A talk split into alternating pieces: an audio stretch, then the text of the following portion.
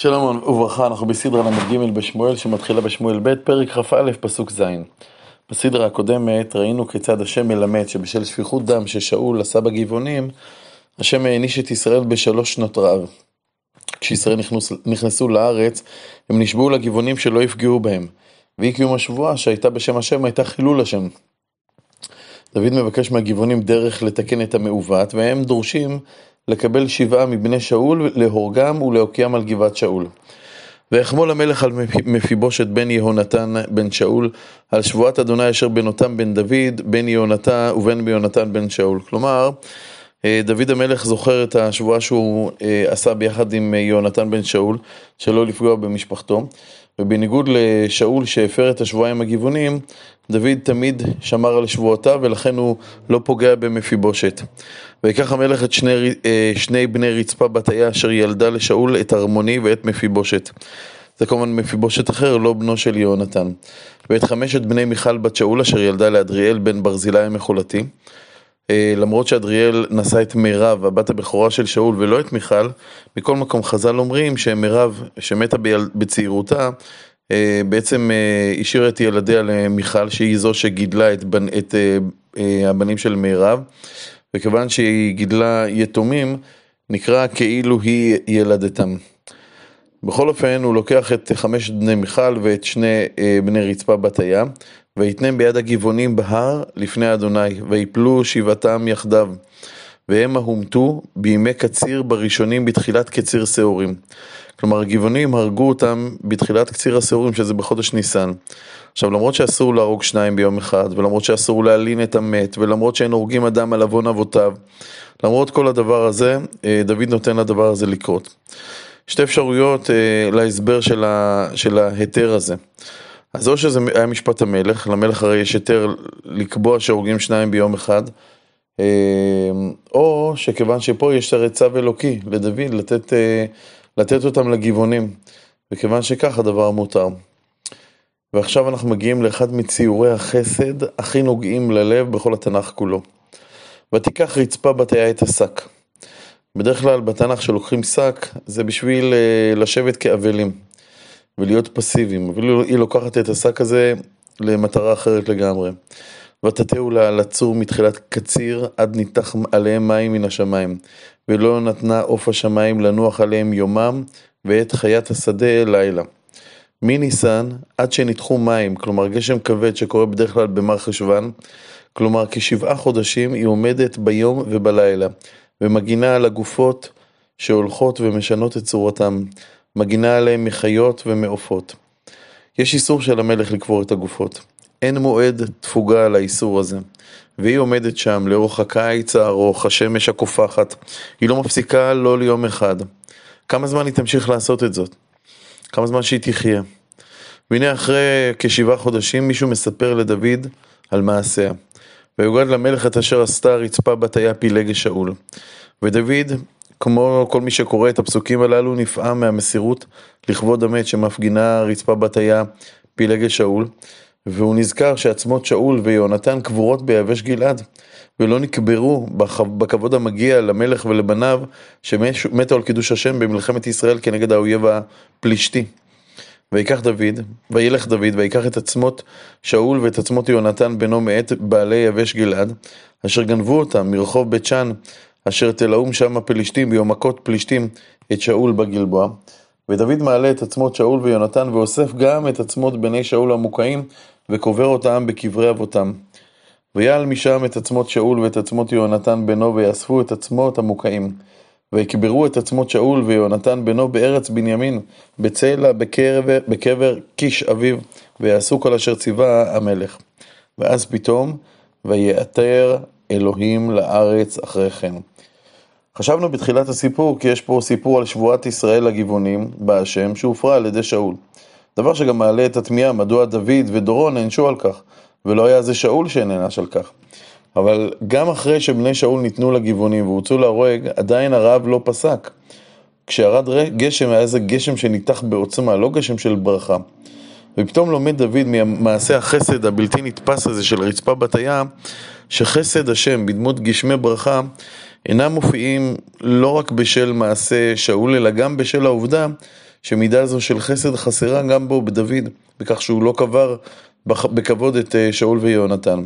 ורק כאשר הוא עושה מעשה חסד זה, אז מופיע החסד האלוקי, ויעתר אלוקים לארץ אחרי כן.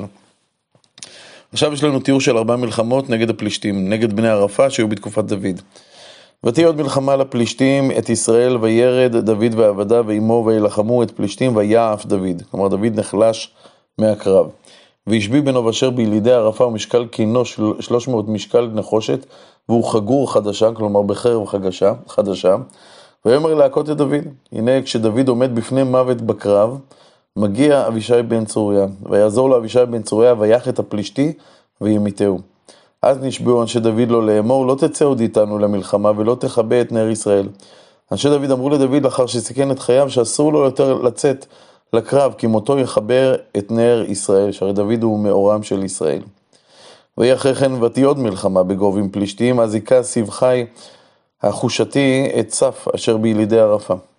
ותהי עוד המלחמה בגוב עם פלישתים, ויח אלחנן בן יערי הורגים, בית הלחמי, את גוליית הגיתי ועץ חניתו כמנור הורגים. יש כאלה שרואים בכך קושי, שהרי דוד הרג את גוליית מגת, וכאן אנחנו רואים שאלחנן הרג אותו. הרד"ק על פי דברי הימים מסביר שאלחנן הרג את לחמי, שהוא היה אח של גוליית הגיתי. אבל סביר יותר ויותר פשוט לומר שגוליית היה שם פלישתי. וכמו שבעיר מולדתו של דוד, בית לחם, היו מסתבר כמה ילדים שקראו להם דוד, ככה גם סביר שבגת היו כמה גול, גולייתים. כמו בדומה למפיבושת, בנו של יונתן, ומפיבושת הבן של רצפה בת היה, ושאול. אז האם אה, דוד הרג את גוליית מגת? כן. האם אלחנן גם הרג איזה גוליית מגת? כן. האם הם היו בני דודים שנקראו על שם סבא שלהם גוליית? או שכן או שלא. היה מפתיע יותר אם אלחנן היה הורג את אה, ג'ורג' מגת. נמשיך. ותהי נלחמה בגת ויהי איש מדון. במקרה הזה הבחור הפלישתי היה לא רק גבוה, אלא היה לו גם יתרון במספר האצבעות, ואצבעות ידיו ואצבעות רגליו שש ושש. בסך הכל כמה אצבעות היו לו? עשרים וארבע מספר, וגם הוא יולד לערפה. ויחרף את ישראל, ויקראו יונתן בן שמעה אחי, אחי דוד. ואת ארבעת אלה יולדו לערפה בגת ויפלו ביד דוד וביד עבדיו. אגב, חז"ל אומרים עלינו כי ערפה היא עורפה. הנה כך צאצאיה של רות הרגו את צאצאיה של עורפה. והסדרה מסתיימת בשירה. וידבר דוד לאדוני דברי השירה הזאת ביום הציל אדוני אותו מכף, מכף כל אויביו ומכף שאול. ויאמר, אדוני סלעי ומצודתי ומפלטי לי, אלוהי צורי יחסה בו, מגיני וקרן אישי, משגבי ומנוסי, מושיעי מחמס תושייני. כלומר, השם הוא המגן שלי, המושיע שלי. כאשר דוד קורא את השם ומהלל אותו, השם מושיע אותו. מהולל אקרא אדוני ומאויבי יבשם. כעת הוא מתאר כיצד הוא, הוא היה בצרה, כי עפפוני משברי מוות, נחלי בליעל יבעטוני, וחבלי שאול סבוני, קידמוני מוקשי מוות, ואז באה הקריאה להשם, בצר לי אקרא אדוני, ואל אלוהי אקרא, והקדוש ברוך הוא שומע את דוד, וישמע מהיכלו קולי ושוועתי באוזניו. הקדוש ברוך הוא זועם על אויבי ישראל ומתגלה בקרב. ויתגעש ויתגעש ותרעש הארץ מוסדות השמיים ירגזו. ויתגעשו כי חרה לו, על העשן באפו ואש מפיו תאכל, גחלים בערו ממנו, ואת שמיים וירד, וערפל תחת רגליו, וארכב על קירוב ויעוף וירא על כנפי רוח. וישת חושך סביבותיו סוכות, חשרת מים עבה שחקים. מנוגה נגדו בערו גחלי אש, יראה מן שמיים אדוני ועליון ייתן קולו. וישלח חיצים, ויפיצם ברק ויהום. ויראו אפיקי ים, יגלו מוסדות תבל בגערת אדוני מנשמת רוח אפו. וכעת מגיע התיאור על הישועה של דוד.